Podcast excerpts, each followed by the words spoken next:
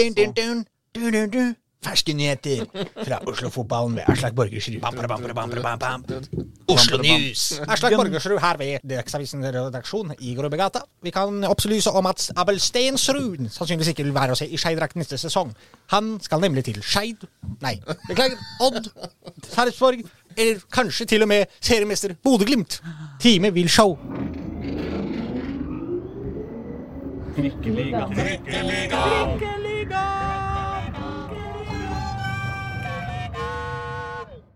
Mine damer og herrer og andre, velkommen til Trikkeligaen sesong 3, episode 2. Det blir nesten et slags jubileum til neste uke, da, med 3-3. Eh, Eller hva sier du, Håkon Thon? Jo, tre, ja, tre, sånn ja. ja. Det er en ny sesong. Det er kult, da. Ja, ja. Det hadde ikke jeg fått med meg, men det er nytt år, nytt, uh, ny sesong. Hvis vi hadde lagd segmenter også, så vi kunne være i eh, sesong 3, episode 2, segment 5, eh, så vil det bli en 3-2-5-formasjon. Eh, hvilket vil være offensivt. Ja, men det kler jo for så vidt Oslo-fotballen. Og vi har nok offensive spillere å ta. Det skal vi føre mer om etterpå. Det har vi. Hva med deg, Pål Karstensen? Har du eh, det fint? Eh, ja. Eh, bra. Ikke dra på så voldsomt, da. Og med oss eh, til slutt i studio har vi Reidar Solli. Ja, jeg er nesten allerede hektet av etter denne tall, tall, tallpregete innledningen. Ja. Men det var ikke spillestil du snakka om, det var eh, episoder og årganger. Begge deler på en måte. Okay. Det var en tallete innledning, syns du.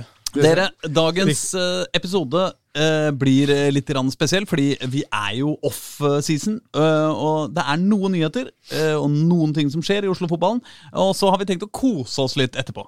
Eh, så det er planen for i dag er først å gå gjennom hva som har skjedd siden sist i Oslo-fotballen. Som er ganske lite, tross alt, men eh, det kan være greit å få med.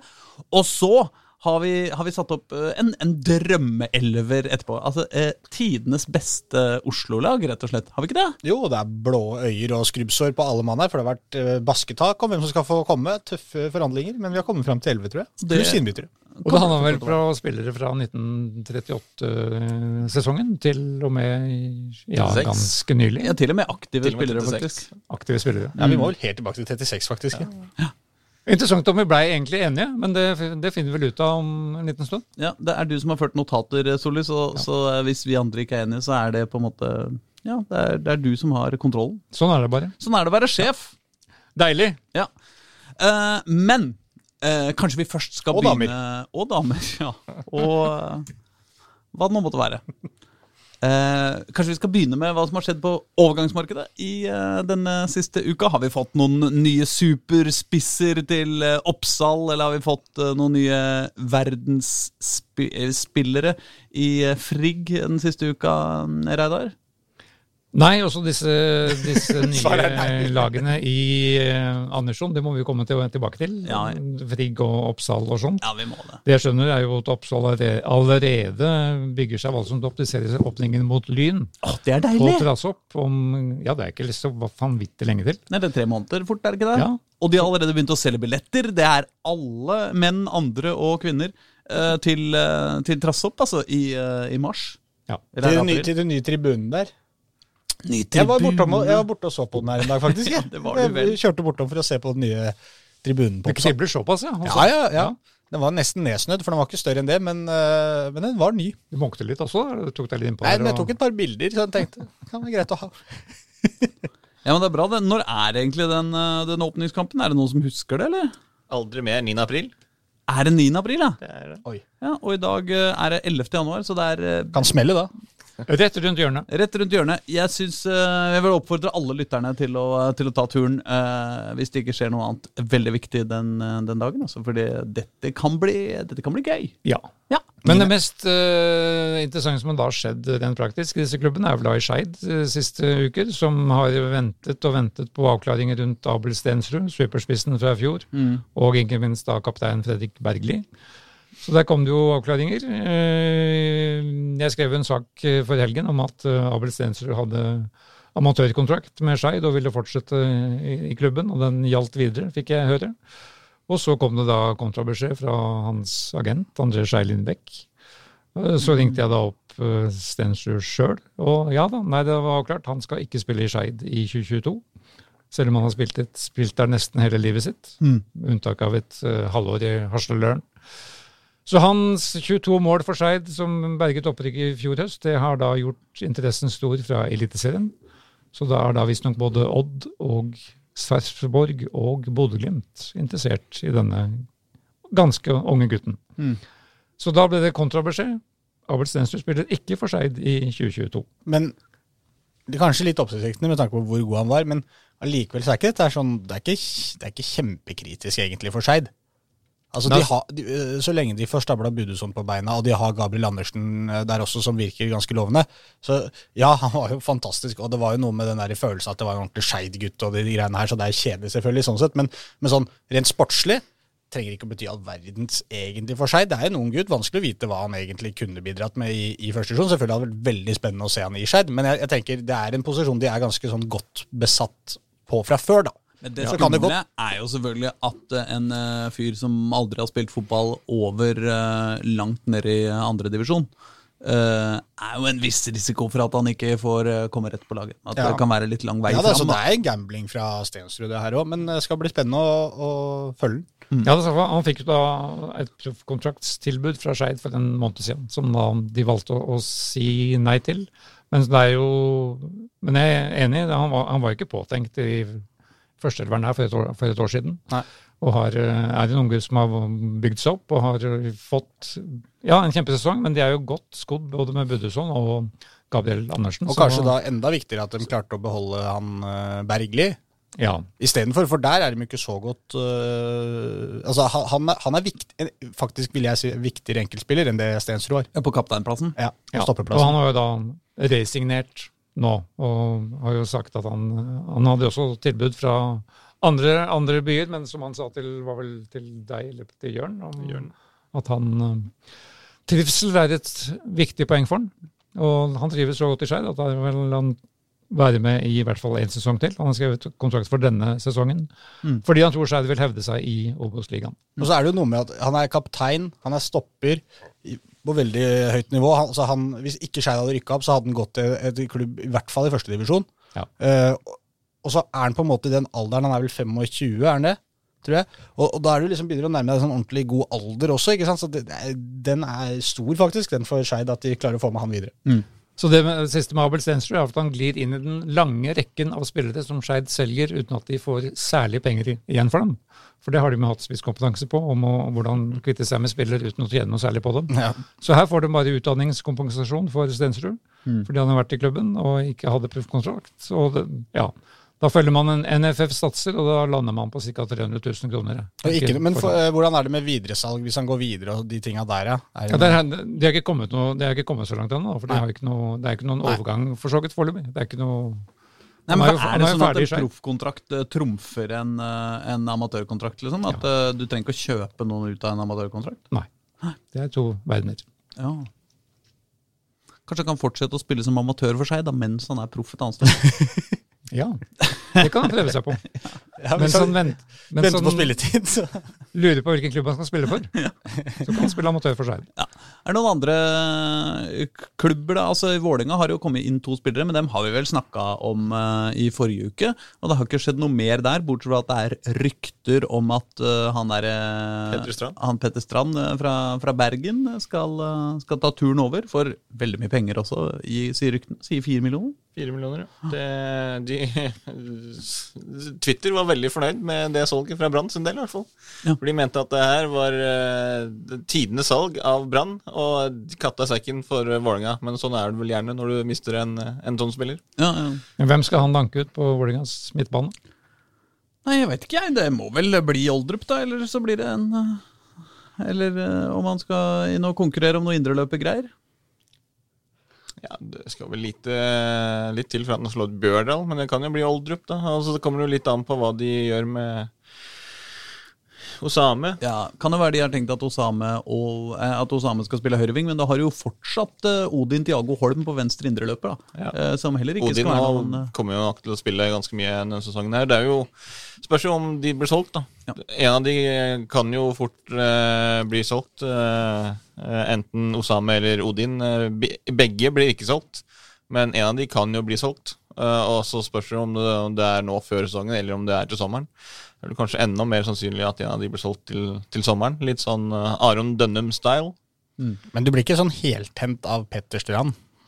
Nei, det er uh, det, det er greit. Men samtidig, så, før forrige sesong, så satt vi og snakka om alle de kule signeringene som Vålerenga hadde gjort, og spennende sesonger som lå foran dem. Og så gikk det sånn noenlunde. Kanskje Petter Strand er akkurat det de trenger. Altså, det, er ikke noe, det, er ikke noe, er ikke noe umiddelbar sånn at jeg tenker dette løser alt for Vålerenga, men kanskje litt sånn Tobias Christensen-signering. Ja, og han har vært bra. Ja, han, er, altså, han har gjort det han skal gjøre, han. Så det er liksom Uh, Ja, I forhold til liksom, Amor Lajonis, som hadde skyhøye forventninger til, Ja. som liksom ikke har innfridd uh, veldig, så hadde du liksom Tobias Christensen. En god, solid signering uten noe sånn ekstra spesielt. Men forskjellen vært- er jo at uh, Amor Lajoni ble jo signert til en plass hvor det var plass til han. En posisjon på banen hvor han hadde en helt, var, skulle inn som åpenbar førstekandidat. Og ingen av disse spillerne, altså heller ikke Hedenstad eller uh, eller han islendingen som jeg glemte hva heter, uh, eller Petter Strand, har en sånn helt åpenbar rett inn i førsteelveren uansett. Det måtte være Hedenstad, da, men det er jo liksom ikke helt sånn. Nei, men det, uansett så er det viktig for Vålerenga å ha det inn, fordi du så i fjor at de var jo altfor tynne. Altså, problemet deres var jo nettopp det, altså backupen i fjor. Sant? Hadde du én spiller skada, så måtte du jo rokere på hele laget. Ja, Ja, så, de får en bredere stall. Det er jo det dette her eh, foreløpig fører til. Eh, Kanskje, hvis de da ikke selger unna i andre enden.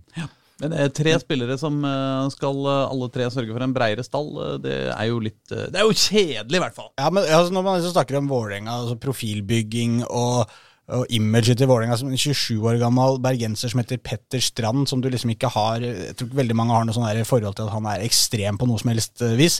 Det er ikke noe sånn Ja, nei, bare litt sånn halvtamt. Du ville heller ha Jon Arne Riise. Ikke sant? Ja. Noe mellom Petter Strand og Jon Arne Riise er vel Ja, kanskje det optimalt. Ja, der er det god plass for det. Nei, men det blir sikkert gøy, det. ja da. Vi Det blir så satser fint så. Vi satser på det.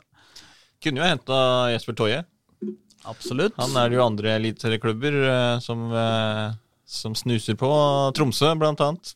Han lanserte vel vi som et kandidat for Vålerenga for allerede to-tre år siden. Ja, han eh, jo lanserer vi Pål.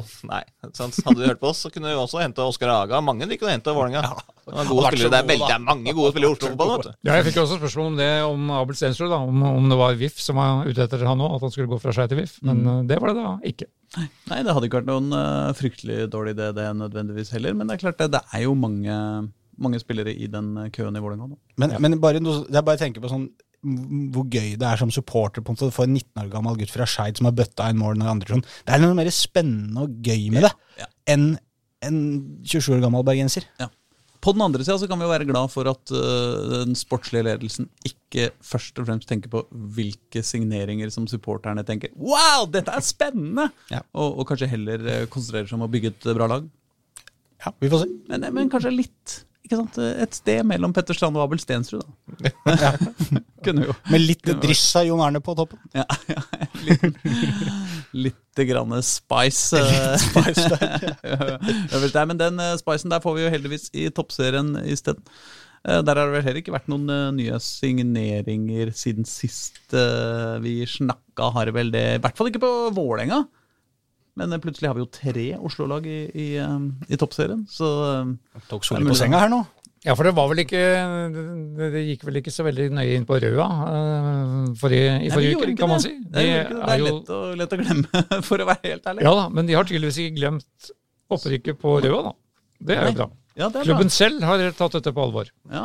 Og ja, så jeg, så jeg, da, jeg måtte da lese meg litt opp på hva som har skjedd der de siste ukene. Ja. Og det er jo først og fremst at selvfølgelig den evige, evige trener Geir, Geir Nordby fortsetter med dette laget. Mm. Det er da hans 26. sesong på Røa rundt A-laget. Det er bra. Først som assistent, så som trener. Det er nesten like lenge som du har vært leder for sportsjournalistlaget. Ja, vi er i samme, samme klasse. Mm. Men uh, Røa styrker da laget sitt. De, de gikk jo gjennom da sesongen i fjor uten å tape en eneste kamp. Mm. De er tilbake til toppserien med dunder og brak, og har henta da Julie Austdal fra Klepp, nylig kommet. Synne Vatshelg Rå har kommet fra Fløya i Tromsø, uh, inn som ny midtstopper. Hildegunn Sævik kommer inn på keeperplass uh, fra Kolbotn, med masse aldersbestemte landskamper bak seg. Kristina Osnes Ringen kommer fra Lyn. Midtbanespiller. Cassandra Ella Bogere. Der sliter jeg litt med uttalen. Ja. Jeg er ikke helt sikker på, på eh, hvordan navnet sies. Hun er da svensk statsborger, men kommer fra Skeid, er bare 16 år gammel og er regna som et betydelig talent. Så alle disse skal eh, da inn under Geir Nordbys eh, vinger, samtidig som de har fått resignert eh, alle nøkkelspillerne sine for fram til 2024. Mm. det jo Røa bygger lag. Blant dem er da Tuva Espås, som ble da toppskårer i fjor med 13 mål. Og ble også kåra til årets spiller i førstedivisjon av alle de som kårer spillere i kvinnenes førstedivisjon. Så bra det var dem som kåra henne. Ja! Så konklusjonen er at øhm, det ser veldig lyst ut for Røa. Det eneste de spiller ut, er Mathilde Hauge Harviken, som går til Rosenborg. Midtstopper. Men de mener at denne nysigneringen fra Fløya erstatter henne. Jeg Tror vi har en ny eh, eh, hva heter det, gullalder på eh, Oslo vest. Ja, Vi snakker jo faktisk om Oslos mestvinnende lag her. Det er jo ikke alle som tenker på. Da Girls. Diamond Girls. Fem seriegull, fem cupgull. Men heter de fortsatt Diamond, uh, Di- Di- Dynamite Girls? Det gjør de. Ja, det I er vel I hvert fall nettsida deres. Nettside heter det, ja. Ja. Får håpe det ikke blir Kinaputt Girls uh, til, i 2022-sesongen. Fins kinaputter lenger? Nei, tror jeg ikke. Lenge siden jeg har sett det. Ja, lenge siden jeg har hørt det.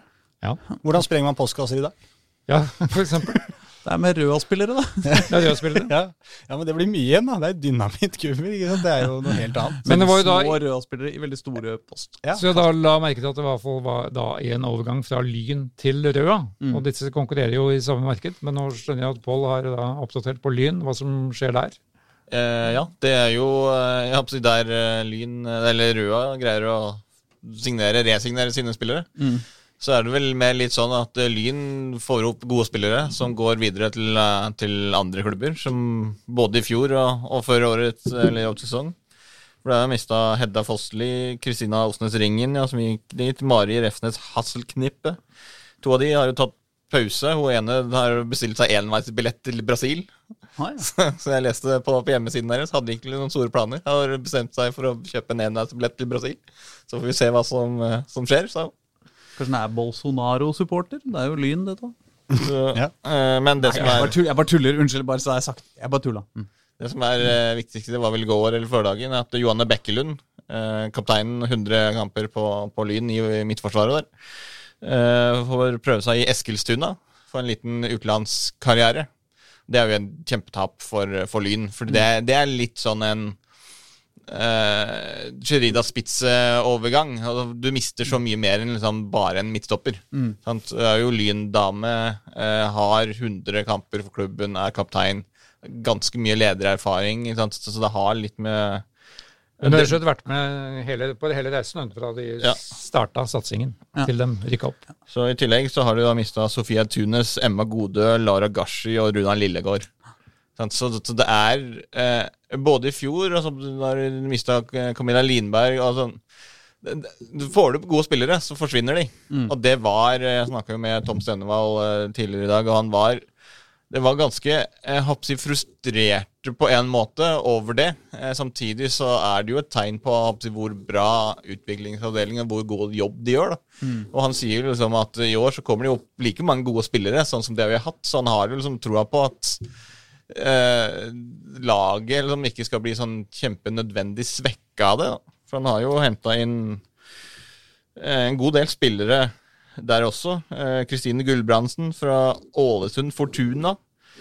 Jenny Gjerdre Setre fra Hødd. Jenny Rosholm Olsen har kommet tilbake igjen fra eh, Avaldsnes. Hun dro jo til Avaldsnes før forrige sesong. Ble skada igjen, fikk tre kamper, kom tilbake. Eh, Cornelia Fladberg fra Stabekk, Miriam Mjåseth fra Medkila. Mathea Berg Solemdal fra Eik Tønsberg. Og Kristin Holmen eh, kommer eh, fra Kolbotn til Lyn på lån til sommeren. Og mange av de her er litt sånn eh, Flere av de har litt mer erfaring. For det er det som er Det er en veldig ung spillergruppe i Lyn, og da er det viktig at de, de får inn får en, en miks med, med alder der.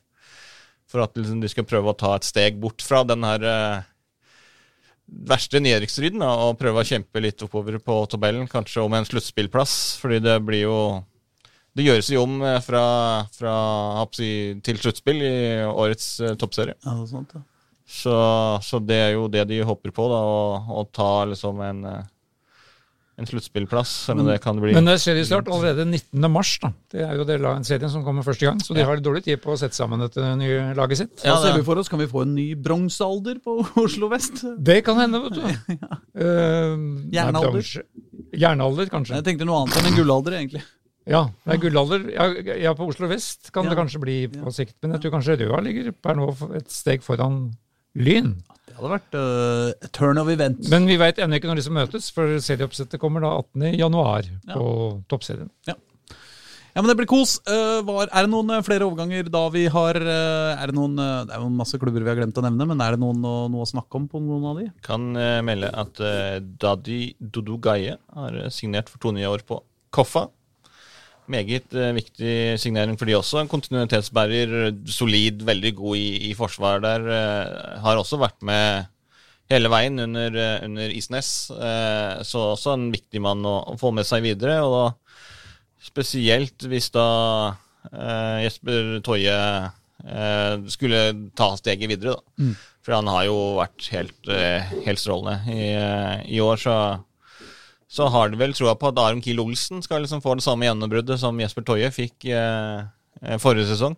Så de har liksom egentlig allerede erstatteren klar, selv om de, har, eh, selv om de spiller sammen. Det er jo klart at Hvis Jesper blir værende på Ekebergsletta, så må han jo snart døpes om til Toyenparken. Ja, det skal vi spille inn. Um, det, Egeberg blir jo viktig nå. Der skal jo både Vålerenga og K5 trene sammen. Eller kanskje ikke sammen, men uh, om hverandre de neste ukene. For Intility er jo frosset ned og vil være det i noen uker til. Oh, ja. Starter, Så eh, Vålerenga startet på Ekeberg. ja, Undervarmen eh, Ja. fyres i gang 1. februar ja. på Intility. For det er visse utgifter til strøm nå, sies det. Det. Jo, men Har ikke de en eller annen videregående skole de kan lempe disse utgiftene over på, da? Nei, det er ikke så enkelt, vet du. Ah, flate. Er vi ferdige med overganger? Håper det. Rykter? Eh, da kan vi gå over til det aller viktigste og gøyeste vi skal gjøre i dag. Nemlig Nemlig vi ha en fanfare, da. eh, Håkon Thon, du er fanfareansvarlig. Ja, ja, det skal bare være sånn fire sekunder. Takk. Hold, holder nå. Det er, eh, det er eh, den neste, neste eh, sånne egne spin-off-serien i Star Wars som skal være om en høne som er veldig ivrig på å ta over Tatooine. Jeg var veldig nær Olenfanfaren i 1952. Ja, det var 36 jeg prøvde på, da. Ja, akkurat. Ja. Ja.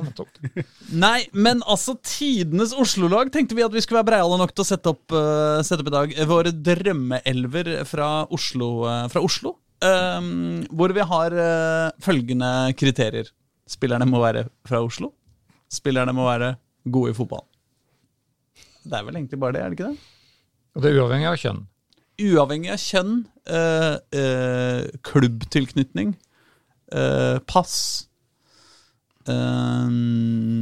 Og klass. ja, Men litt Nei. avhengig av dialekt. Eh, altså, det det, springende spørsmålet er jo selvfølgelig hva, hva er en person fra Oslo?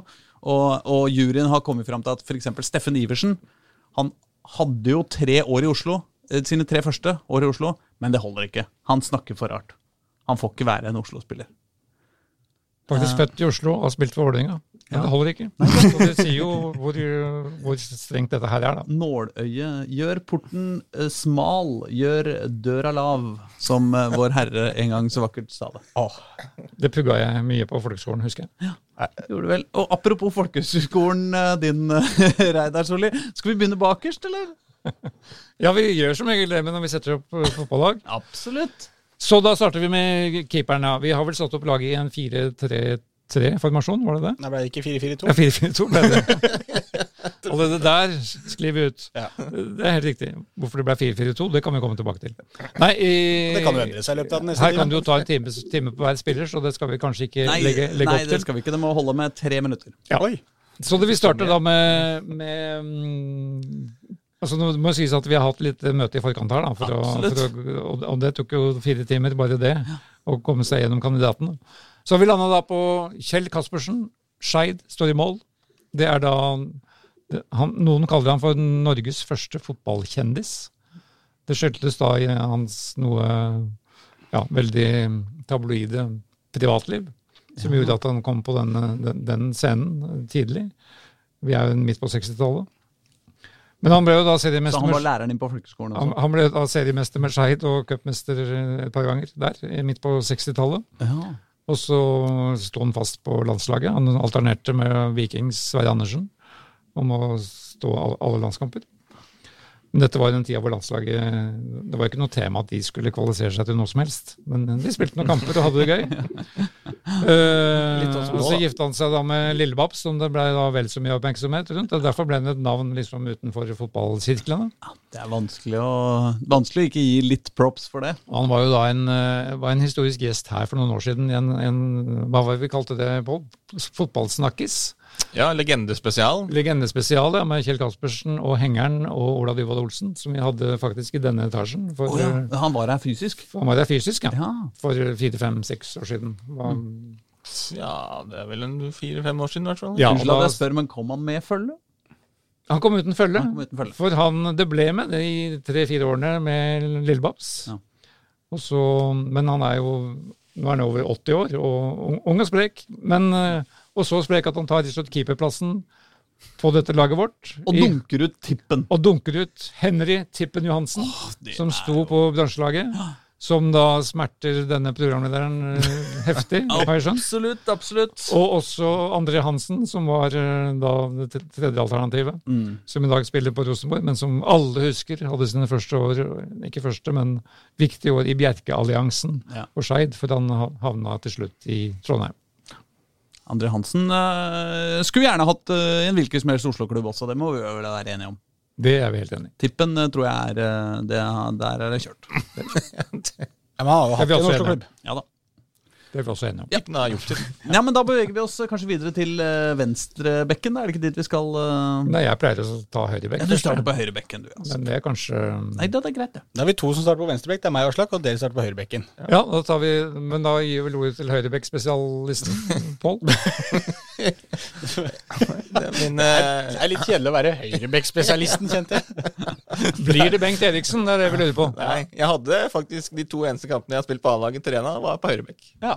Så høyrebekkspesialist. Men eh, vi valgte vel ikke gå for Bengt Eriksen. Vi valgte vel å gå for eh, Omar El Abdelawi. Åh, Fin fotballspiller, gitt. Ja, eh, veldig bra fra Oslo. Så spilte i Sagene Skeid før han jo eh, Allerede da han var 16, så signerte han for Manchester City. Så han har jo liksom ikke hatt en veldig stor karriere her hjemme. Men eh, det må jo sies at utenlandskarrieren hans har jo tatt uh, skyttfart. eh, både med Feyenoord, eh, Eintracht Braunschweig i Tyskland, eh, før han spilte seks år i Olympiakos, der han jo avslutta eh, med å være kaptein siste sesongen, eh, før han nå eh, spiller i Galatasaray. Eh, eller spiller og spiller. Han, eh, siden den eh, ulykken han hadde, den fyrverkeri-ulykken med feiringen på, på nyttårsaften, så har han vel vært diverse leger og doktorer og prøvd å fått eh, tilbake synet på Ordentlig synet på begge, begge øyne. Nå skal det liksom Han har jo ikke spilt fotball på et år, men nå skal det eh, visstnok være klart da, for at han gjør comeback i nå i januar. Han må holde seg unna kinaputtene. Ja, det, det er viktig. For jeg, altså, Ingen besøk på Røa med det første Nei. for eh, Omar. Så uh, han er nok bedre til å spille fotball enn til å feire nyttårsaften. Det må vi si. Eh, og dette dunker altså ut Amin, sjølveste Amin Nori. Uh, Skandale. Håkon. Det er skandale. Det er skandale, Det- Men eh, 49 landskamper har det blitt på, Nei, på. Omar. Det er ikke blitt Amin skulle hatt minst 50, hadde det ikke vært for Omar. Hadde det ikke vært for Omar. Hvor er det han Amin kommer fra igjen? Ja, det er jo fra Klemetsrud. Mortensrud. Selvfølgelig. Ja, ja, ja. Det er naboen din, er det ikke det? Nei. nei, nei, Jo, nei. Nei. Nei. nei. Nei, jo, ja, jeg ville jo litt ha Amin, men det er bare fordi at jeg var veldig glad i Amin. da. Eh, Jeg prøvde å få gjennom to av mine Mortensrud-gutter. både- eh, Jeg føler jeg hadde størst sjanse kanskje på Amin Nori, og Jonny Budusson falt kanskje litt lenger utafor her. Nei, men Skal vi bevege oss til stoppeplassen, da? Første, første stopperplass? Første stoppeplass. Eh, kanskje like overraskende som han ble, da han ble tatt ut til VM-troppen i 1998. Ja. Som en av de seks siste spillerne. Og ingen, veldig få i den salen skjønte hva Egil Olsen da han leste opp navnet Dan Eggen. Ah, Dette var, nest, dette var før googlingens tid, så det, det var helt i grenseland. Noen klarte kanskje å google litt, men eh, de fleste måtte ty til telefonapparatet og ringe. men Dan Eggen, vet du, han er jo fra Reddy, han. Det er han, så han, han kan du holde en liten forelesning om. Ja, ja, ja. Altså, men det er jo sånn, sant som du sier, han dro jo veldig tidlig til utlandet, og, og det var jo liksom ikke Manchester City, eh, hvis du skjønner hva jeg mener. Han flytta rett og slett til København. eh, og, da hadde han bare spilt i fjer, norsk fjerdedivisjon. Uh, men uh, men eh, Så så spilte vel ikke for FCK heller. Nei, nei. nei, nei, nei, nei, nei. Han, han dro til den danske klubben Frem. Eh, fra Og så dro han tilbake. Eh, Nei, men så eh, der spilte han såpass bra at han uh, ifølge Wikipedia da, uh, ble kjøpt av storklubben Brøndby IF. Og så spilte han eh, der i eh, fire år. eh, før han dro til Celta Vigo, så Alaves, så Rangers og avslutta karriera i Le Mans. eh, før han reiste hjem til Norge og ble eh, trener for Koffa. Der var tilbake. Yes! Ikke sant? Men, er, det noe sånt, er det noe sånt deilig og staselig over Dan Eggen, syns jeg? Sånn, når man ser Dan Eggen bare komme gående bortover Man ser noe på noen fotballkamper. Mm. Han er så veldig sånn høyreist og litt sånn elegant, og du bare ser han for meg på fotballbanen også. Når han liksom, hvis, hvis jeg har ett bilde av Dan Eggen, så er det et hjørnespark hvor han på en måte bare hopper opp som en helt rett pinne i lufta og bare styrer ballen ned i hjørnet med hodet. Sånn, så rolig og han, Jeg følte han var litt sånn fotballspiller som han ser ut som type. Hvis du skjønner hva jeg mener? Ja, absolutt. Ja. Han, han øh, øh, har jo samme sveisen som deg, Håkon øh, Thon. Ja, ja. Og kanskje litt mer imponerende. Hans, altså. Ja, Eh, takk for det. I hvert fall på sitt beste. Ja, og han har altså som eh, du kan si karrierehøydepunkt utenfor landslaget, så spilte han altså Uefa-cupfinalen for Mhm. Alaves eh, i 2001, der de tapte Mot Liverpool. Med hvor mye tapte de mot Liverpool? Ja, det ble vel eh, Det røyk vel på overtid der. Var det 4-3 eller noe sånt? da? Nei, det var 4-5, faktisk. 4-5. Ja. Ja. Uh, og det er jo ganske gøy. Ja. Al- Eller altså ekstraomgangene, var det Nei, jo, ekstraomgangene. Ja. Men han kom jo da til dette berømmelige VM-sluttspillet i 1998. Ja, da han 2000 kom. Mm. inn, inn på laget, og han berga jo da 2-2 i den åpningskampen mot Marokko, hvor Norge styrte mot et katastrofalt tap. Men Mm. eh, Dan Eggen fikk hedda inn, som du sier. Han sto vel ikke som en strek, Nei. så vidt jeg husker, men uh, han fikk iallfall inn den 2-2-skåringen. Det påstås også på engelsk Wikipedia at han eh, på et tidspunkt uh, kom opp på scenen under en Pantera-konsert og uh, eh, viste fram hvor god han var i headbanging og luftgitarspilling. Ja. Og dette er lett å se for seg også. Allsidig kar. Ja, absolutt. Andre stopper, da? Andre stopperen, der sleit vi jo litt, men vi, for vi har jo noen, vi har jo noen årskull å ta av. Men vi landet da på Skeid igjen. Oh, oh, ja. Frank Olafsen. Som jeg skjønte at jeg var, du på navn, eh, som jeg skjønte at jeg var den eneste i dette rommet som hadde hørt om. Absolutt. Men dette er jo en Skeid-legende fra 70-tallet. Ja. Med landskamper både i fotball, ishockey og bandy.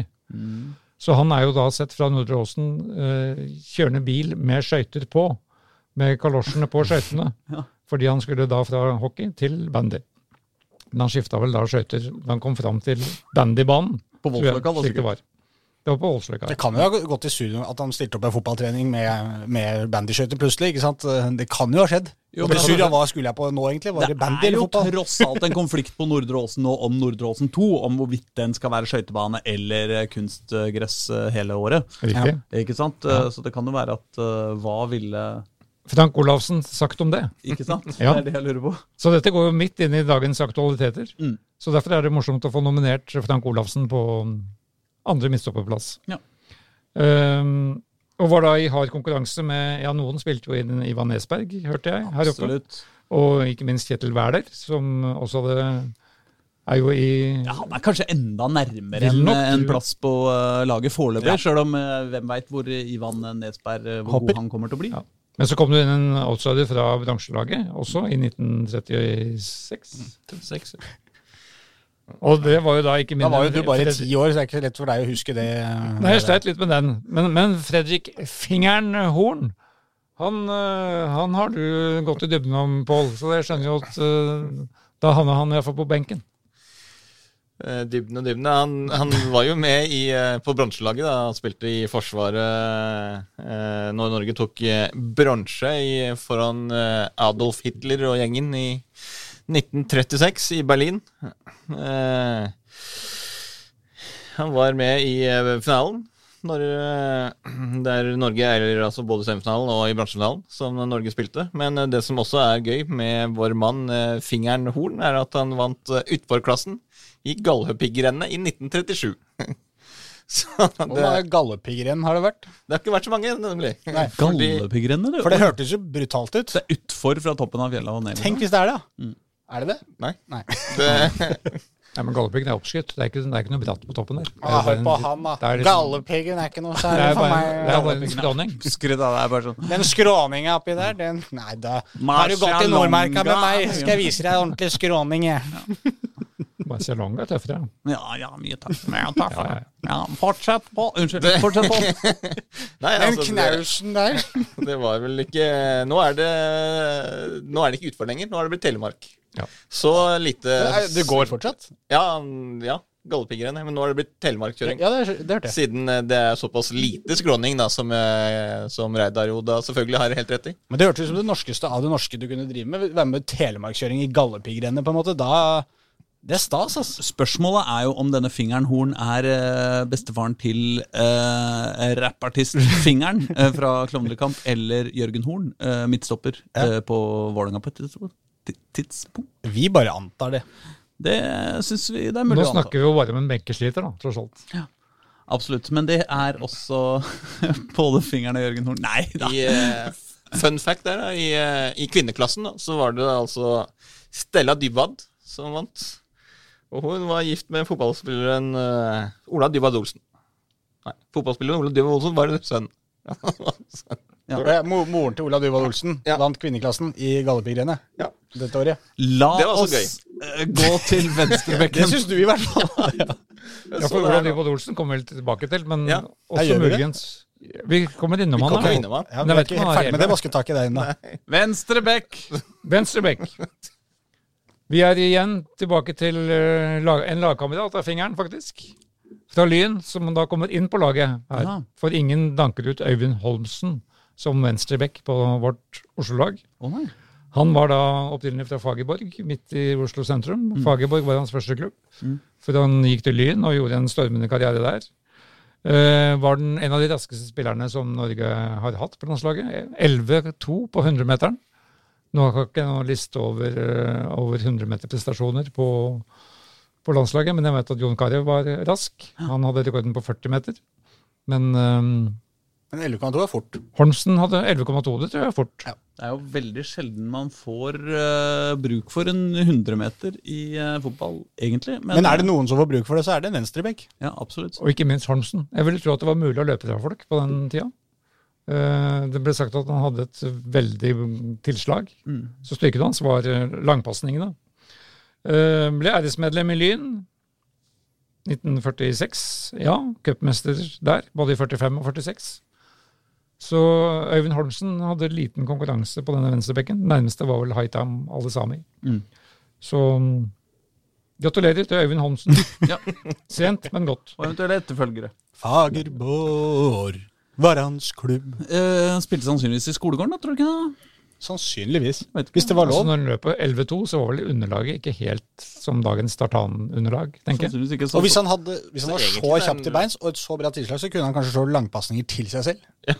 Det er sant. Ja, det kan hende. Ja. Ja. vi har Han skuffende på bare, han, eh, bare at han tok både rollen som langpasning og flo på topp. Han bare slo den og tok den mot det. Ja. Ja, Med litt motvind så går det fint, det, på Bislett. det gjør det. Det er ikke sånn brassene driver med. Det er sånn norsk finte, det. Ja. Klinker den opp, løper den etter den. Da har vi kanskje kommet oss opp til, helt opp til midtbanen, da, eller eh, Reidar? Det er vi. Det, det har vi. Og da um, Beklager. Det er mulig det blir mye skeit her, men, men Håkon var jo så overbevisende i sin argumentasjon om at han måtte ha inn landslagets fremste potetspiller. Daniel Bråten Ja, på Daniel. Bråten, ja. han kom med, han, skjønner du. ja. Det gikk litt under radaren. I for sånn, du argumenterte jo veldig høylytt og frem og tilbake på alle dine spillere. Mista jo egentlig nesten alle til slutt.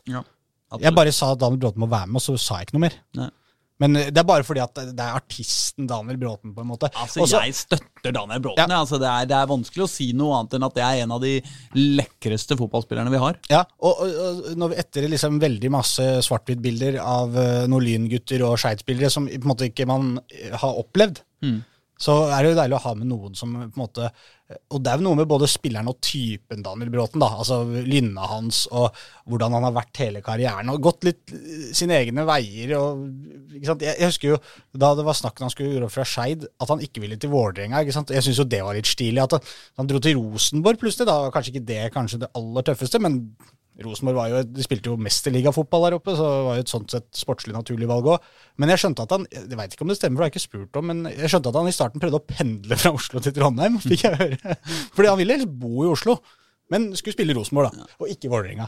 Han skåra jo blant annet mot Vålerenga i den eh, berømmelige kvartfinalen i cupen eh, da Skeid slo, eh, slo Vålerenga. Runda Kjetil Rekdal og der og satte inn 3-1. Så det, det er så masse altså Er det én norsk fotballspiller, hvis du liker å google og YouTube, se på filmer på YouTube, hvor du gjerne søker opp Zinedine Zidane eller Ronaldinho, ikke sant? skal se på noen stilige finter og sånn. Hvis det er én spiller du gjør det som er norsk, så er det Daniel Bråten.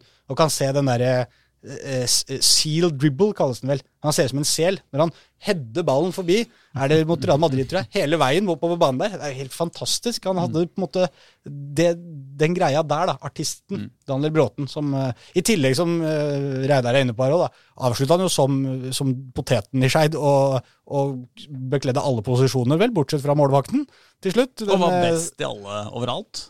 Ja, han var kanskje ikke det objektivt sett, men, men, han, men han var det likevel. Bare at Daniel Bråten var med ja, Jeg er veldig svak for Daniel Bråten, som mange andre, og derfor så skal han selvfølgelig være med. Han skåra vel, som du sa, i den uh, viktige målet i kvalikkampen mot Asker der også. Han avsluttet jo karrieren sin med, med siste skåring for Skeid uh, i 1-1-kampen mot Asker, den kvalikkampen for opprykk i 2020, blir vel det. Da var det tidlig i desember, iskaldt. Hvor da tilfeldigvis Ståle Solbakken var på sin eh, og, og, ringside og så på denne kampen. Neppe Jeg måtte spørre han om det var eh, Daniel Bråten han tenkte som et lite mulig comeback på, på landslaget. Men han var Etter da skåringen, så skal ikke se bort da fra det. kunne han øh, være aktuell igjen, men Ståle Solbakken var der for å følge sammen med sin lagkamerat på Askers trenerbenk, Vegard Skogheim. Men så er det, Primært. så er det jo men, noe med den derre Altså sånn eh, At han klarte å beholde altså sånn, I ordentlig Daniel Bråten-stil, da.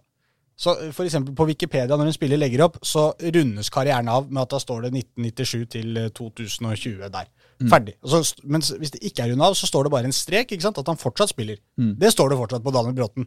Ingen vet egentlig helt hva Daniel Bråten eh, Om han skal spille mer. Og alle i Skeid, det, det som er så fint nå, syns jeg at de liksom respekterer det. At ja, hvis Bråten dukker opp her, så er det bare å bli med, på en måte. Det, det er klart Daniel Bråten skal få være med. Men, men ingen vet egentlig om Daniel For det var jo det som skjedde i Vålerenga da han kom dit. Det, det var jo ikke noen plan om at han skulle til Vålerenga, men han plutselig bare dukka han opp med treningsbag over skulderen. Og tatt T-banen opp til Helsfyr. Og ja, det er jeg.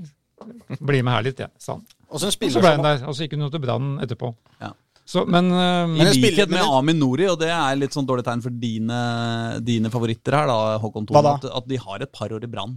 Og det er jo dårlig, dårlig stemning. Ja, men, men altså, for en fyr som har spilt 52 landskaper, har spilt ikke sant, i, i en haug av klubber, har spilt i Bolton, Toulouse, en haug av norske klubber, så øh, når han spilte da den siste, siste sesongen der for Skeid liksom, hvor på en måte på nivå med de andre han var sånn, sånn mentalt. da. Han gikk rundt og smilte og lo. Du så jo at motspilleren hadde jo en veldig respekt for han. ikke sant?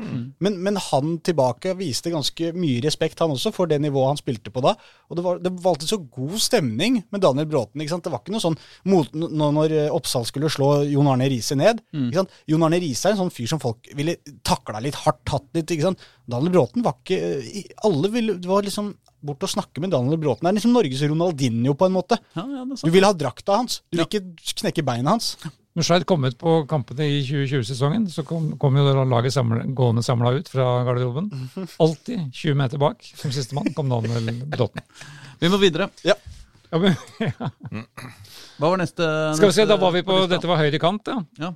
Ja, nei, vi, vi holder jo oss da fortsatt på Nordre Åsen, faktisk. ved å lande på en eh, midtbanespiller fra Skeid med 52 landskamper. Cupmester, kaptein på cupfinalelaget i 1974. Ja, Og det var, ikke minst- det var, det var, Og ikke minst spillende trener i Manglerudstad. ja og da, da ble jo dette med en gang min uh, favoritt. bare, bare lempa vi alt over til Håkon. Ja, ja. Jeg, jeg tok det vel, for dette, jeg har aldri hørt om mannen før, men, men eh, han beitok meg umiddelbart likevel. Manglerudstad, det er din mann. Tor Egil Johansen, Ja. Toro, som med, i likhet med Daniel Bråten, da, så jeg tar de med 52 landskamper. Nettopp. Eh, For Ja. han like mange som Daniel Bråten eh, der. Og eh, han hadde jo en enorm karriere, har jeg skjønt. da, etter Jeg har lest meg litt sånn kjapt og gærent opp på han på 70-tallet. Først med, med Skeid, der han, som du sier, Reidar, tok det siste cupmesterskapet til Skeid i 74 som kaptein. Og dro videre til Lillestrøm og ble seriemester to år der. Og runda av med cupgull også for dem. Tok det dobbel i 77. Det var jo første gangen kjøp og salg i norsk fotball ble en skandale. Altså, Vi var ikke vant til dette. Men plutselig begynte Lillestrøm å kjøpe spillere fra Skeid og Vålerenga. Ja, det er ikke greit. Eh, Så det er også en del av hans historie. Ja, og han følte vel kanskje på det, så han dro hjem til Skeid igjen i 78 igjen. ja, men han vant vel en del med LSK først, da. Ja, det ble to seriemesterskap begge sesongene, da. Riktig. Og cupgull eh, til slutten i 77. Ja. Og så dro han da til slutt til MS i eh, Spilte bare da i eh, Skeid igjen fram til 80, og så fra 81 til 89 hjem til ungdomsklubben eh, Manglerud Star. For å fullføre som spillende trener i, i MS. Så det syns jeg var stilig. Var visstnok en, en råtass på banen. Litt sånn hardtarbeidende sånn rivjern på, på midten der, som takla og var duellsterk. og og gikk foran som en sånn ordentlig høvding på, på lagene han representerte. I Og fikk vel også 14, var det vel det det 14 landskamper som kaptein. Ja. Tillegg. som eh, en spiller i Aslaksson, en hardtarbeidende storrøyker. Det er meg, det. Det er deg, det. Det er ikke gærent. Det var eh, Toro. Da, da er vi halvveis, ja. Da er jo da um, tredjemann også fra Oslo vest Ja. denne gangen. Mm. Hvor blir det av VIF-spillere? Nei, det, Det får vi komme tilbake til. altså, det er for, det er Men for eh, vedkommende spiller da i dag Ja, i Italia. Og dette mm, har vel du satt deg inn i, overhodet ikke. Aslak? Morten Thorsby? Ja, Det var ikke min mann, ass. Nei, det var min mann. Var det, var det Pål, det? Ja. Han er vår klimaengasjerte Han får drakt nummer to, skjønner jeg. fra Heming. Eh, Morten Thorsberg er jo litt på en samme måte som, som Toro. Han har jo den eh, rollen også, som han tar i liksom, de klubbene han spilte, også litt på landslaget. Når han i fjor spilte jo ni landskamper. Før det så hadde han to landskamper til sammen, så han har jo alltid liksom fått sitt definitive gjennombrudd si, både i, i utlandet, som han jo har nesten vært hele karrieren, men også her hjemme har folk liksom begynt å få øynene opp for, for Thorsby. Og er- han, han også er hardtarbeidende. Han er liksom ikke noe eh, er ikke noe feinschmecker-spiller. Er ikke noe Daniel Bråten på noen som helst måte. Men han, eh, han gjør alltid jobben. Han legger ned kjempe, en knallhard innsats. Og det, altså, det er den måten han har spilt seg inn i alle lagene sine på. Altså, det har gått liksom når han både var i eh, Heerenveen, som jo da han virkelig liksom begynte også å karrieren å ta av etter overgangen fra Stabæk, så har han liksom spilt seg gradvis mer og mer inn på laget, fått mer og mer tillit og, visst liksom hva som bor igjen. Og det er akkurat det samme har skjedd med, med Sampdoria, at han liksom har eh, spilt seg inn på laget. Altså, du ser liksom gjennom de prestasjonene han har på banen, at han er en solid spiller. Gjør sjelden feil, jobber hardt for laget. Og så er det som alltid er like gøy å se på uh, hvis du ser på kamper med, med Morten Thorsby, alle de italienske faktene. For det er, det, er, det er få som er mer italiensk i spillestilen enn det Morten Thorsby er. Og det er liksom litt gøy, fordi du har liksom den klassiske De der fingergreiene som alle italienere har, og alle de der eh, som du tenker liksom at alle italienere går rundt på. Og hver gang Thorsby får eh, kort eller er i diskusjon med dommeren, sånn, så er det akkurat det samme. Så, så han er liksom mer italiensk enn egentlig de aller fleste lagkameratene hans på eh, italienske lag. Det skal jo sies at vi, når vi satte opp dette laget, så eh, tok vi utgangspunkt også i at det skulle være et fungerende lag. på en måte Ikke nødvendigvis bare de elleve beste spillerne fra Oslo, men et, det skulle komponeres til et faktisk lag som skulle spilt en, en kamp. da. Og, og da er det jo greit med noen ordentlige arbeidsmaur på, på midten der, hvor vi vel ser for oss at Toro skal være den litt mer offensive typen. Thorsby litt mer rydde, men begge må rydde litt når du har Bråten på kanten, ikke sant? for han skal ha fri rolle, han. For det var jo, ja, det var jo uh, uh, Mats Møller Dæhlie, som vi også diskuterte en god del. Uh, Lyn uh, evige supertalent, som, som, var liksom den som var nærmest da, i forhold til den posisjonen som, som Thorsby-spiller. Men, Men det er det som er gøy med Thorsby, at han har klart å som du sier, jobbe seg inn i alle så, så, Når du drar til Nederland, og så slår du gjennom. Det er mange nordmenn som har vært i Nederland og på en måte slått gjennom litt der, og så skal du prøve deg i en litt større liga, mm. og så blir det mye i benken. Mm. Selv om han ikke er liksom den mest fremtredende spilleren på, på, så veldig mange måter, så har han den der evnen Han har en spisskompetanse da, på noe som, som, danker ut de andre som prøver seg i det Sampdoria-laget. Har kvaliteter som, som alle fotballag trenger, men som ikke er så veldig Ikke det, ikke det YouTube-vennligste. Nei, det, det, er, det er vel ikke, noen, det er, ikke, noen, det er ikke så mange øyeblikk Nei. du kan finne med hans à la Daniel Bråten, som Nei. du sitt, kan sitte og kose deg med. Det er du kan, du kan, hvis du liker å se folk få gule kort, så kan du jo kose deg med det. Men jeg føler at det er veldig ofte at disse norske spillerne kommer dit, og så på en måte har de ikke det der lille siste til å komme seg inn og spille fast på et Serie A-lag. Det blir han, ja, han får prøve seg litt, og så skriver vi en overskrift. Ah, 'Kom innpå etter en time i den kampen der', og så var det tre uker til neste gang hvor han fikk et kvarter der. Og så føler vi at vi har en spiller som spiller i Serie Ja, men dette er en spiller som spiller eh, omtrent hver eneste kamp 90 minutter. Mm. Han Men han skjøv da Mats Møller Dæhlie på benken, og han skjøv vel Einar Bruno Larsen på benken òg, dessverre. Ja, han har jo også en lagkamerat, eh, eller altså bys barn, Kristoffer eh, Askildsen, som lagkamerat til året, som jo også er fra Heming. Mm. Så, eh, og han er litt i den situasjonen.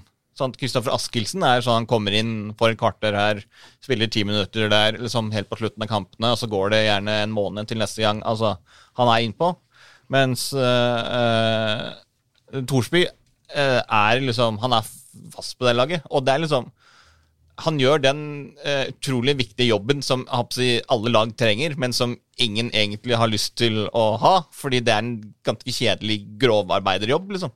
Sånn det, det er liksom Du får aldri noen overskrifter av det. Nei. Men det er altså alle lag som, som, skal ha en god balanse, som skal ha spillere som vi skal ha offensivt, trenger sånne spillere. Men så blir de piska hardt for ikke å ta med Bruno her nå, eller? Men hva skjedde med VIF-gutta? Aslak? Nei, eh, de, de, var kanskje ikke bra nok, da. Altså, det er mange... De var morsomme nok, men ikke bra nok? Altså, det er mange folk vi skulle hatt inn i de, de posisjonene der, hvis jeg er liksom sentralt på midten. Altså, vi skulle hatt Mohammed Fella litt... og Gia Zaid og ja. mye, mye, folk vi kunne hatt inn. Men jeg tror vi må gå videre til venstrekanten, må vi ikke det? Jo, og da, og da skifter vi kjønn. Skjønte? jeg? Ikke vi, kanskje, men, eh, men, de som dukker opp på laget. Ja. Karoline Graham Hansen, selvfølgelig. Ja. Der var det jo ikke så mye altså, å lure på. Kanskje Norges beste fotballspiller akkurat nå, unntatt Erling Braut Haaland? Eller kanskje litt sånn eh, Oslo-fotballens mest mediterte spiller?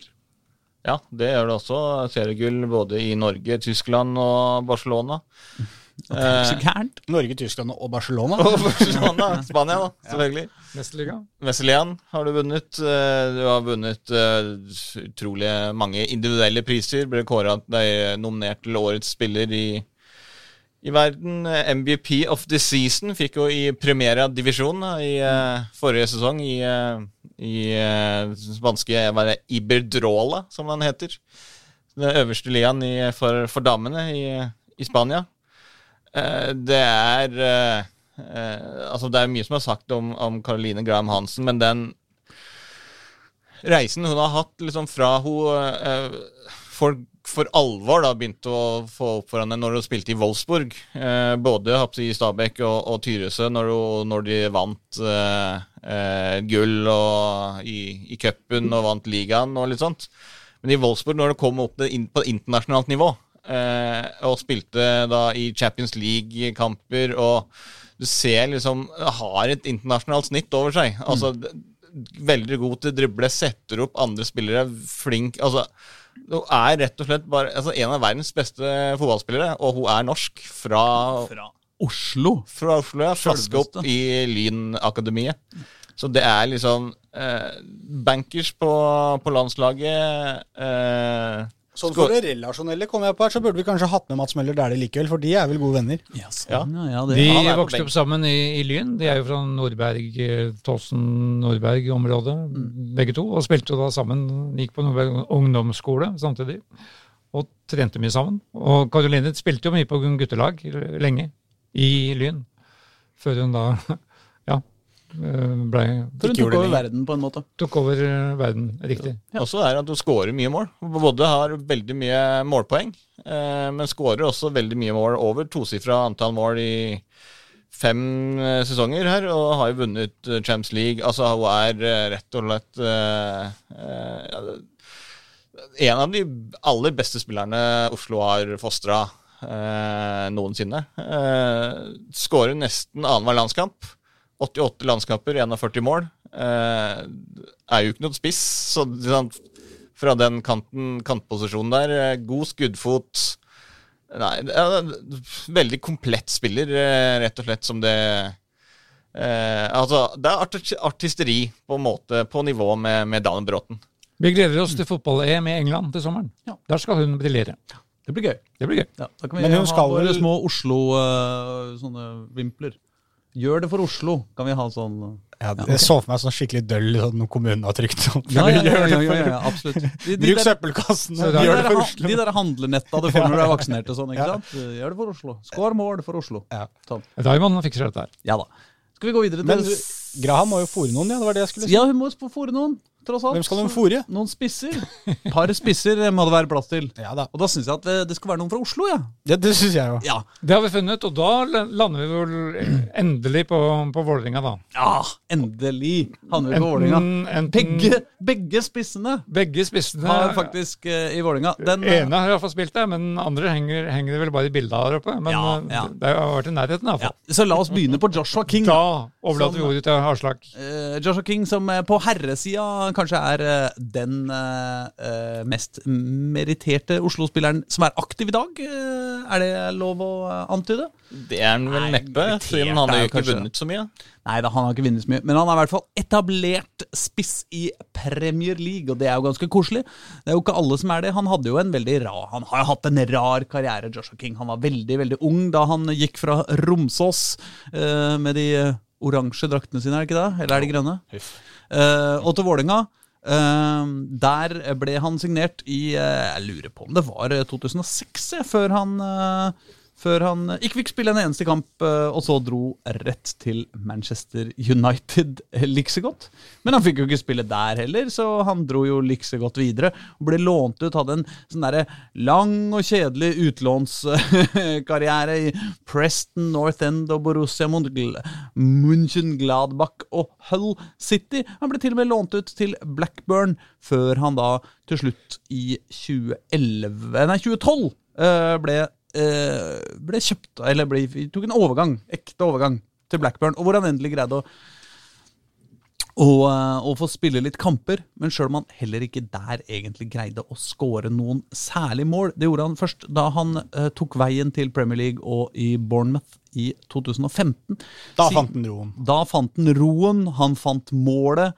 Uh, han har scora jevnt og trutt i fem, fem sesonger på rad.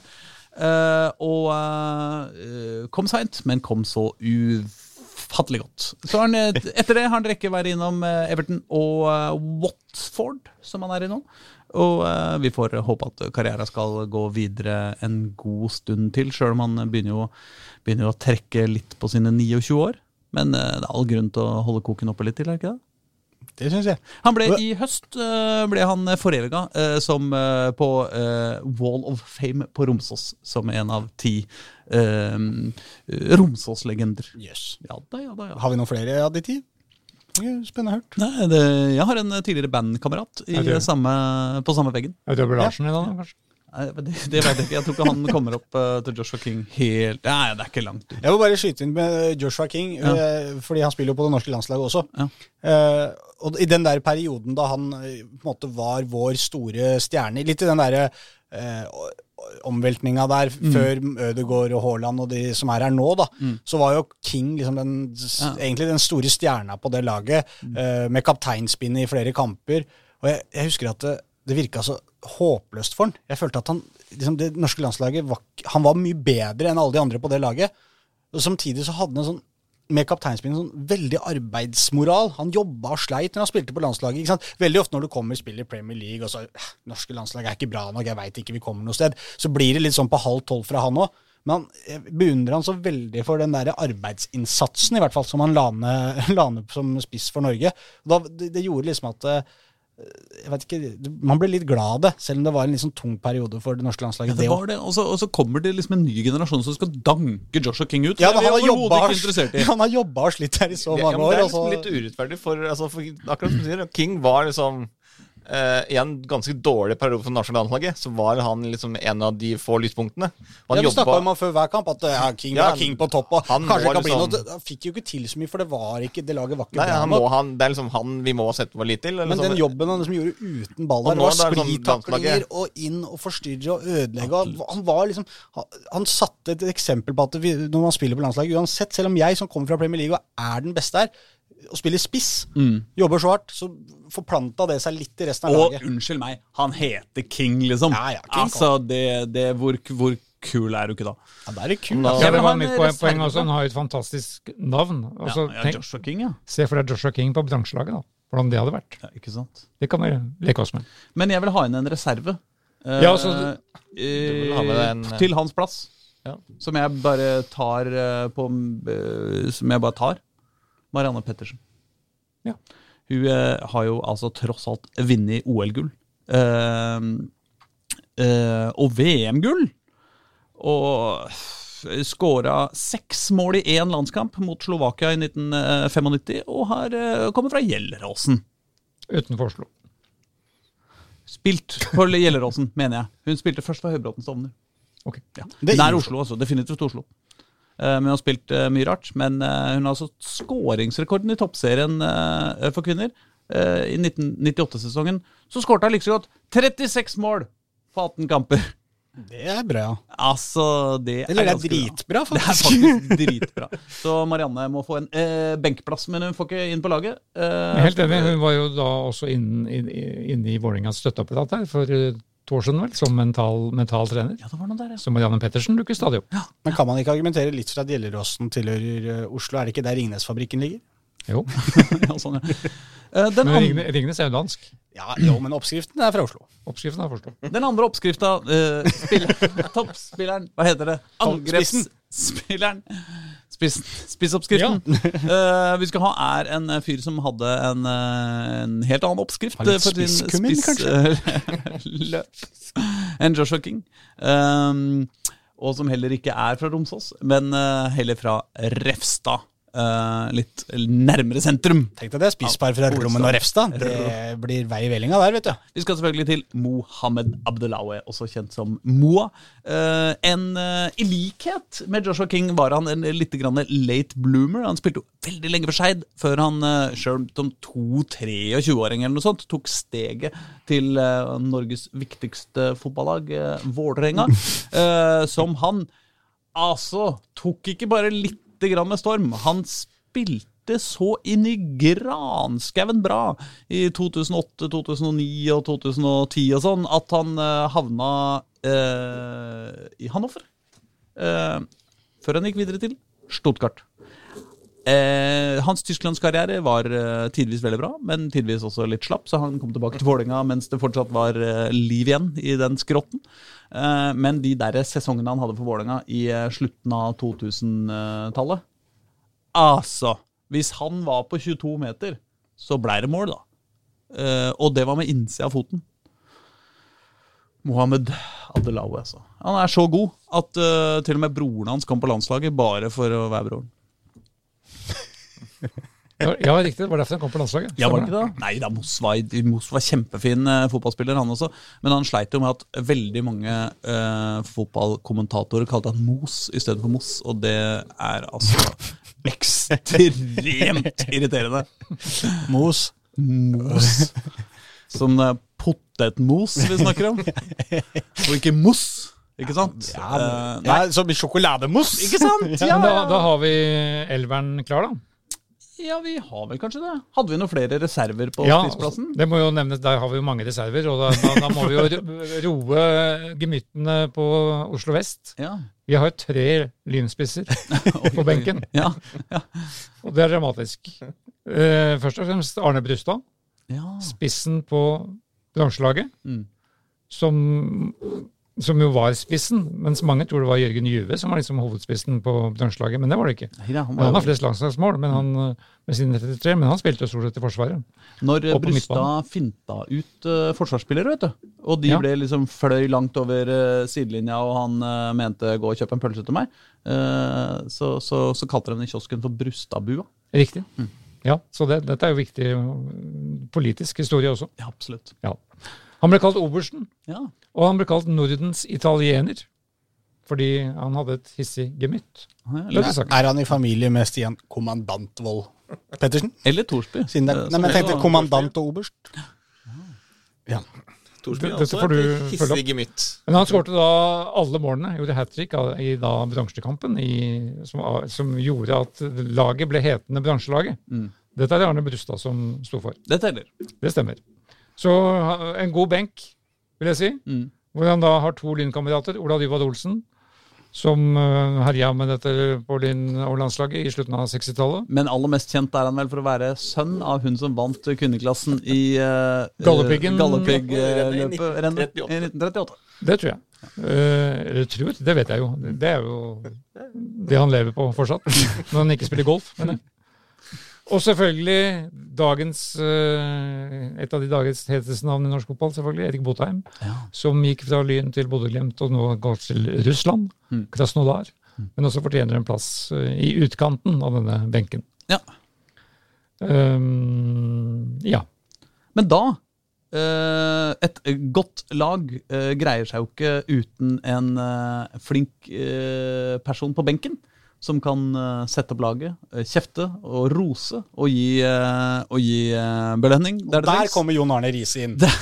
nei, han, nei, det gjør han ikke. Men uh, treneren for uh, vårt drømme-Oslo-lag uh, er en fyr fra Tøyen. Han er faktisk kongen av Tøyen og heter Pa Modo Ka. Han spilte i Vålerenga i mange år, var den artigste og deiligste fotballspilleren som fantes eh, når han ikke hang på Tøyenklubben eh, litt lenger ned i, i gata. Eh, han hadde en, eh, en eh, fem års tid i Vålerenga før han dro til AIK. Så gikk han videre til alle mulige rare steder rundt i verden. Roda, Alcor, han var et år i Qatar, han har spilt i Alveda, hvor nå det er, eh, før det bar over dammen. Eh, Han havna i Portland Timbers, eh, så i Vancouver eh, Whitecaps. Og så eh, ble han rett og slett trener i Vancouver Whitecaps da han la opp.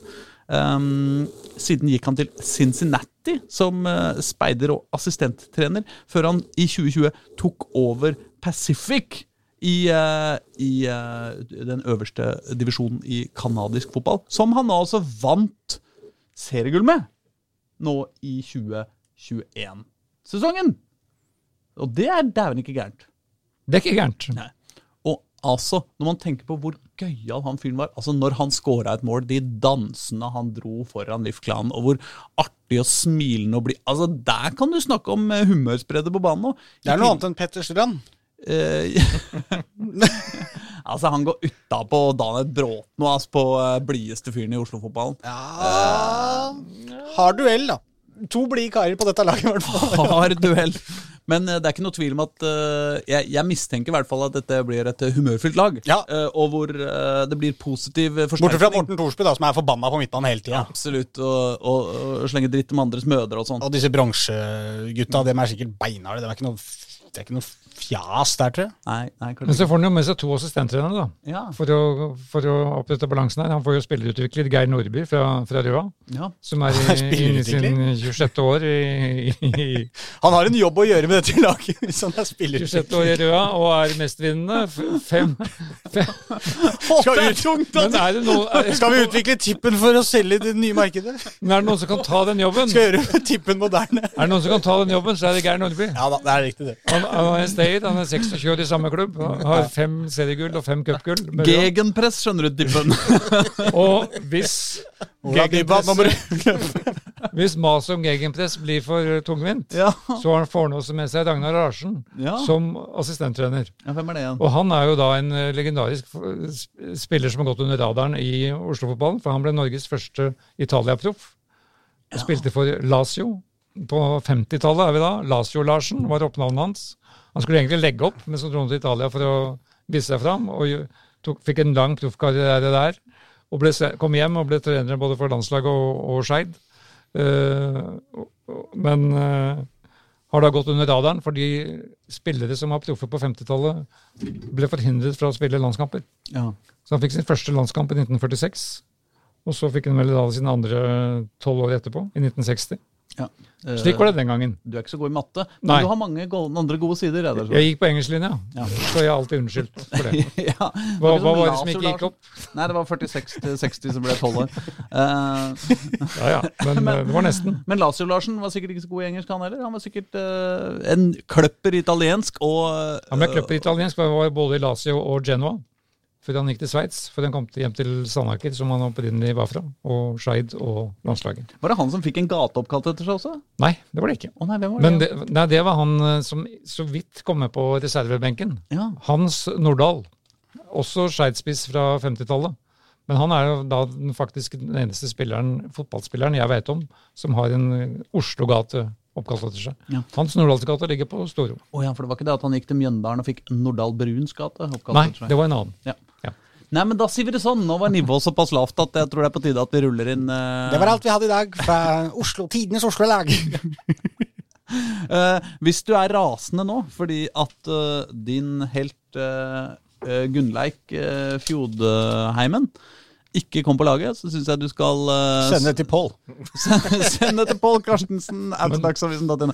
Nei, men du kan gå inn på Dagsavisen uh, sin uh, Facebook-gruppe. eh, eller vi har en Facebook-side som heter Trikkeligaen, og vi har en Twitter-konto som heter Trikkeligaen. Og uh, Pål Karstensen har også en Tice-konto som heter Trikk... Nei da, nå bare tuller jeg Jeg skal bare kjapt dra laget, sånn i navn for navn, sånn at eh, de som blir sinte, Ja, kan- skal- Kan bli enda mer kan bli enda sintere.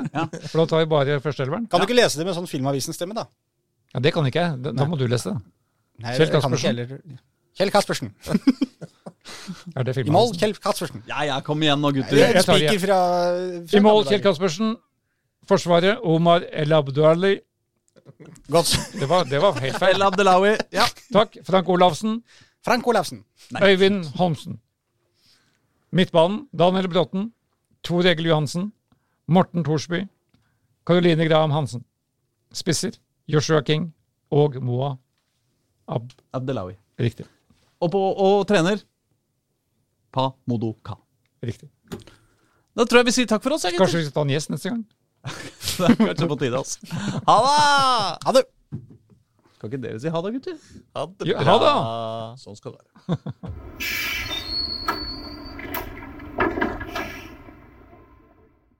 Du har hørt en podkast fra Dagsavisen.